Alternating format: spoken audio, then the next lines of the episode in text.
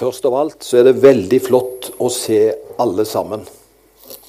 Det skal dere vite, at uh, å ha dere på gudstjeneste og i andre sammenhenger, det er en stor glede og inspirasjon. Så tusen takk at dere kommer og er med. Uh, så hadde vi en fantastisk flott fest her i går. Jeg vil bare si det. Uh, det var egentlig under headingen 'De over 60'. Så var vi ca. 60 stykker. Og et suverent flott program. Eh, meget godt eh, ledet. Kjell Erik som var leder, og komiteen som har stått bak det, har gjort en glimrende jobb. Så det var en fest utenom det vanlige. Og av underholdning så var han, han innante var der. Og han hadde mange flotte historier. Så sier han det at både han og broren Arne er egentlig litt sånt uh, Blir fort deprimerte. Og så han, Jeg tror det er derfor vi lager så mye humor, sa han, for å skape balanse. For i utgangspunktet så er vi tungsindige. Så da gir det en balanse i det. Nå kan ikke jeg si at uh, jeg har det på samme måte når det gjelder tungsint. Men jeg er også uh, kommet med litt humor. Men humoren min er liksom bare en dessert over ellers vanlige og gode livet. Og uh, ikke i dag, men de to neste søndag formiddagene. Eh, da er det en overraskelse, for da skal konfirmantene, hvis de vil, så skal de få lov å selge humorboka. Og så kommer Ebbe og meg med en helt rykende fersk andaktsbok som heter 'Hverdagstro', med 365 andakter. Og Den er, den er tjukk, altså, for det er én andakt per side. Og så er det gjennom hele året. Og Der øser vi ut vårt testament, for å si det sånt. Eh, og den kom inn på onsdag, så den er på plass til neste søndag. Og de to neste søndagene. Og hvis konfirmantene vil selge de to bøkene Og Ebbe og jeg kan gjerne signere neste søndag. Det skal ikke være noe ekstra i det. Eh, så, så vil overskuddet rett og slett gå til konfirmantene. Og Da kan de få inn noen tusen som gjør at de skal på, på reise. og sånt, så, så, Derfor kan jeg anbefale det, for overskuddet da vil gå til konfirmantene her i kirka vår. Og vi må jo være greie mot de på Bryn også. Så de blir med i det. Men, eh, men da blir det altså noe som en kan gjøre der. Men, eh, men, derfor er ikke denne til salg i dag, men fra neste søndag og to søndager. Og da kan du få, få tak i en sånn en, og den andre andaktsboka. Og da går 30 av uh, omsetningen til konfirmantene. Så det kan jeg bare plan, forberede på at det er en anledning. Uh, men det er to stykker som Knut og meg Knut Nordahl og meg er blitt enige om at vi skal hedre på en spesiell måte. Det er to personer. Alle skulle egentlig blitt hedra. For det er så mange som gjør en framifrå innsats. Så, så, så, vi ser jo det. Det er mange som gjør en veldig innsats. Men i forbindelse med julemarkedet så må vi få lov å si at det hadde det ikke vært pga. Munni og Oddbjørg, så, så hadde det ikke skjedd. Så, det, er, det, er, noen personer som en er så avhengig av. Eh, og derfor må vi stelle godt med deg. ikke sant? Og alle andre. Så jeg har bare lyst til, Gunni, kan ikke du komme fram? Så skal du få denne som en gave. Så kan du allerede hum humor til deg. Og så heter det dobbel dose. Jeg skal ta trippel dose jeg på torsdag. Men her har du altså humorterapi, dobbel dose. Og jeg håper du kan glede deg litt over den. Ja, hadde det vært andre tider, skulle du fått en god klem. Men eh, du får få den i ånden. Klemmen.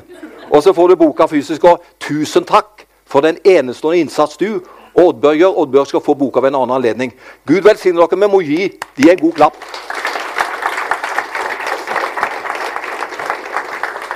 Og så skulle jeg bare si for eh, Ingrid at eh, hun står helt der ute i dag ved et bord. Og så er det juleheftet som eh, Stavanger Gospel Kompani har utgitt. Du kan få tre sånne julehefter for 100 kroner. Og Det er også fine sånne smågaver å kunne gi. Det er noen andakter fra Egil Svartdal, og så er det masse annet fint julestoff. Så hvis det er noen anledning, så når gudstjenesten er over, og kirkekaffe er det jo etterpå, så er, så er jo Ingrid tilbake da og, og, kan selge disse. Er det greit? Og det kan vippses om en ikke har penger. Da har jeg gjort det som har med, eh, med de tingene å gjøre. Og så sier jeg at neste søndag nå må dere gjerne komme. Da skal jeg tale over. Det er en som ber for oss alle. Tenk på det. Det er en som ber for deg. Og det skal jeg si litt om. Pluss at vi skal få en gjest også neste søndag. Men nå begynner jeg på talen min. Og det som er talen i dag, det er 'Huset bygd på fjell'. Det huset som dere ser her, det er et reelt bilde. Jeg fikk det av Egil Hager. Han og kona var for noen år siden på ferie i Hellas. Og du vet at Egil liker å løpe. Så løper han en formiddag langs sandstranden. Og så måtte han bare stoppe opp. For det var sikkert noen som hadde bukt ulovlig. Men de hadde bukt på sandgrunn, og den var så nære sjøen at faktisk alt uværet hadde dratt sanden, og den beveger seg. Og da ser du enden på flere hus ble slik. Og da sier Egil dette talte til meg. Det er faktisk alt noen som bygger livet sitt på sand. Og Det som vi skal tale om i formiddag, kort, konsentrert tale, det er huset bygd på fjell. Denne talen om huset bygd på fjell, den er ifra kanskje Jesu mest berømte tale, bergprekenen, som vi kaller den. Det er fra Matteus kapittel 5 til Matteus kapittel 7. Innenfor de kapitlene så blir det kalt Jesu bergprekenen. Og bergprekenen Det var nok en lang tale, for de var oppe i fjellene der og hørte på Jesus. De hadde verken strøm eller mikrofoner eller alt noe sånt som vi har gjort oss avhengig av i dag. Men det var nok en arkistikk og det var nok en sånn tilretteleggelse at de hørte hva han sa. Og så taler Jesus til folket. En berømt tale.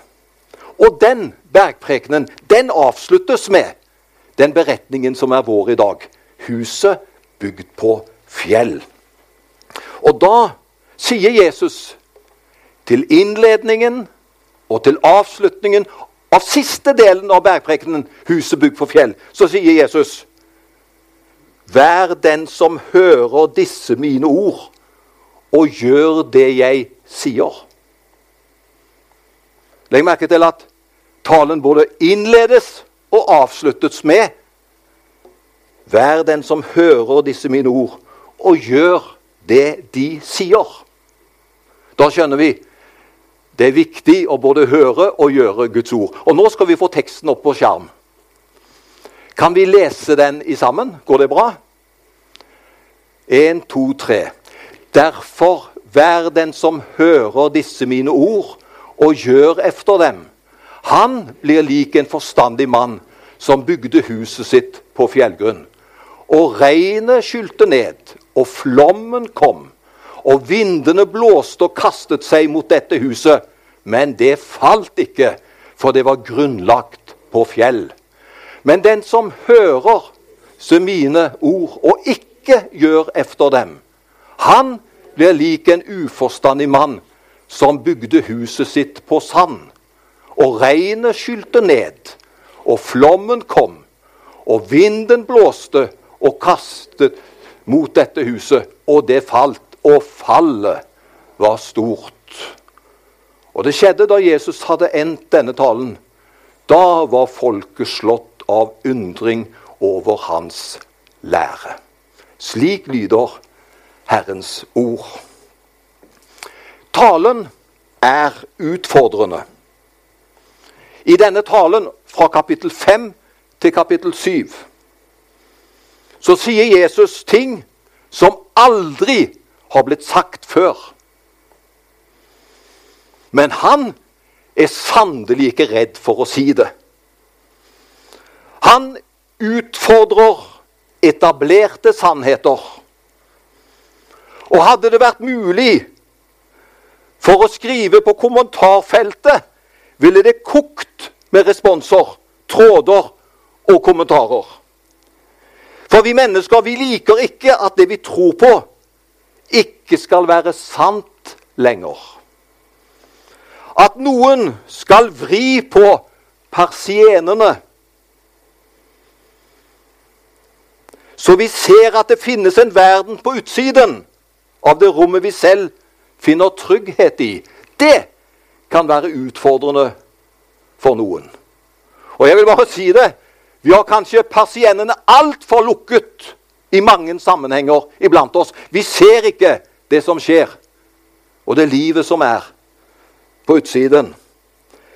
Men Jesus gjennom denne talen han virkelig åpner gluggene, for å si det sånt. Og så får menneskene se ting som de aldri hadde blitt konfrontert med før. Og hvis Jesus hadde vært avhengig av mange likes og gode kommentarer, så hadde han jo aldri gjort det. Men var det én som ikke var avhengig av likes, han sto på fjellgrunn sjøl, så er det Jesus Kristus. Og han er jo vårt forbilde. Og så sier Jesus, det sier han faktisk talt minst seks ganger, sier han. I hele denne talen så sier Jesus, altså hele bergpreken, så sier Jesus seks ganger Dere har hørt det er sagt, men jeg sier dere Og da blir jo dette en utfordring. For vi har hørt så mye. Vi har lagt til så mye. Og vi tror at alt er skjønn musikk. Men så sier Jesus faktisk alt Dere har hørt det sagt, men jeg sier dere Jesus han lanserer sitt program og gjør det ved å si at vi ikke må tro på alt vi tenker. Og vi må ikke tro på alt det tidligere vi har hørt. Det kan være feil. Når vi leser det opp imot personen Jesus Kristus, som kom med frelse og forsoning til alle mennesker. Og så kommer Jesus da inn på den beretningen. Det er en som bygger på fjell. Og så er det en annen person som bygger på sand. Har du lagt merke til noe? Det har faktisk stått ikke jeg lagt merke til før jeg jobba med denne talen. Begge husene er utsatt for nøyaktig det samme været. Det blåste, det stormet osv. Det samme uværet var nøyaktig likt for begge typer hus. Ser dere det? Det var altså ikke at Tenk om det gode huset fikk et lettere vær. Der var det bare solskinn og nydelig. Og så fikk det andre huset eh, ufordelaktig dårlig vær, i tillegg til at det var svakt i seg sjøl. Nei, begge husene fikk det samme været. Det var bare en vesensforskjell, ikke på været, men på hva de var bygget på. Og her har vi faktisk fått en veldig viktig evangelisk sannhet. Regnet styrtet, elvene flommet, og vindene blåste og slo mot huset. Hør, mine kjære venner. Livet er likt for oss alle. Jeg kan ikke si, Hvis jeg skal være troverdig, så kan jeg ikke si til noen som er, er søkende Så kan ikke jeg si at du må bli en kristen. Og da vil du ikke få problemer lenger. Jesus vil fikse opp i alt. Tenk om jeg drev en slik reklame, og så oppdager de etter tre måneder Ja, men jeg har det akkurat presis slik som jeg hadde det før. Med problemer, utfordringer og vanskeligheter. Du skjønner det? Været er det samme. Det er likt mot oss alle. Vi opplever det samme. Og vi har hatt en gjest her i dag som eh, representerer en familie, og Kari da i særdeleshet, som har hatt det tøft i den senere tiden. Og vi kan alle oppleve det. Og jeg har bare lyst til å si det. At livet er likt for oss alle. Det regner, det flommer, det blåser på alle mennesker. Og så kan ikke Jesus misforstås. Han sier, 'Hør mine ord, og gjør mine ord. Tenk hvis vi hørte hans ord mer blant de mange stemmene. Tenk om Jesus' stemme fikk bli mer dominerende enn alle de andre stemmene som er der ute.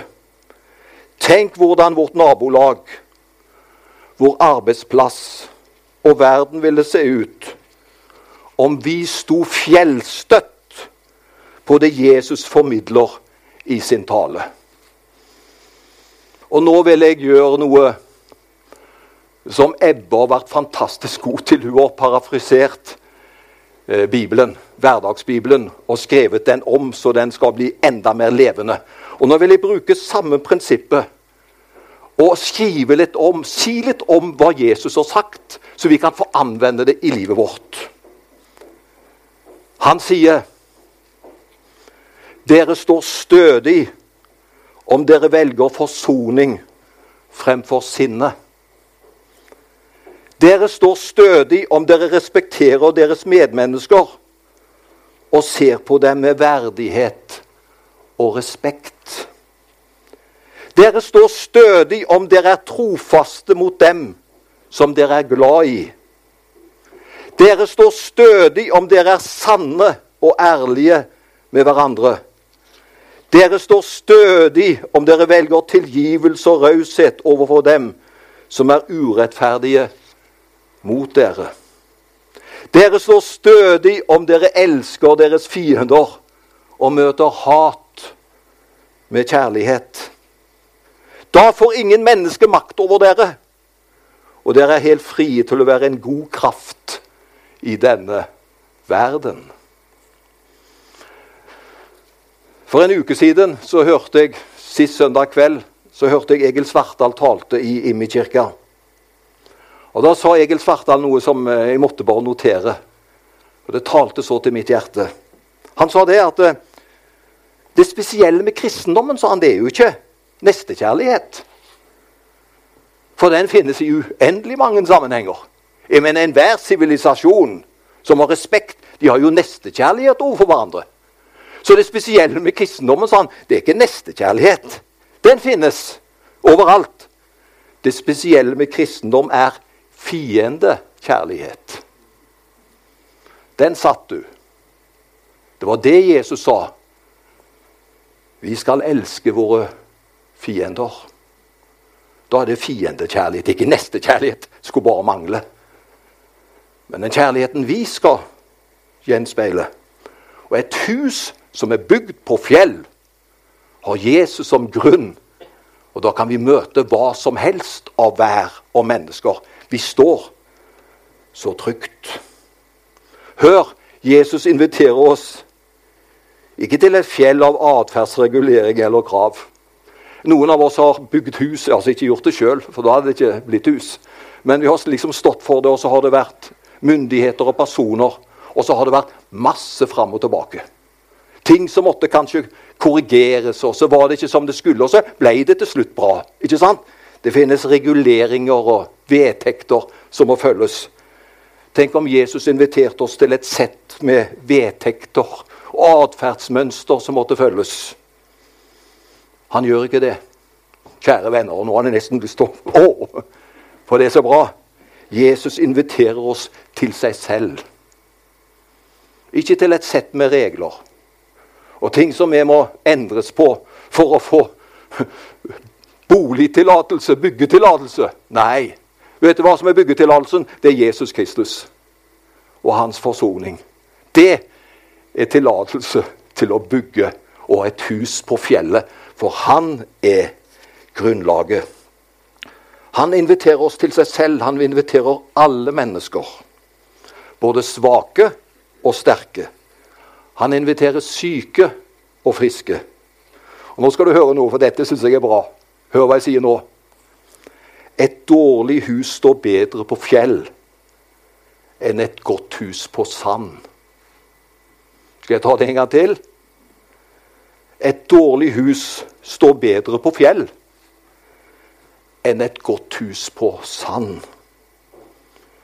Det handler ikke om ferdighet, men at vi er så ferdige med oss selv at vi er villige til å bygge vårt liv på at Han har gitt seg selv for oss. Som apostelen Paulus sier, ingen kan legge noen annen grunnvoll enn den som er lagt, og det er Jesus Kristus. Ære være Faderen og Sønnen og Den hellige ånd, som var, er og være skal en sann Gud fra evigheter til evighet. Amen.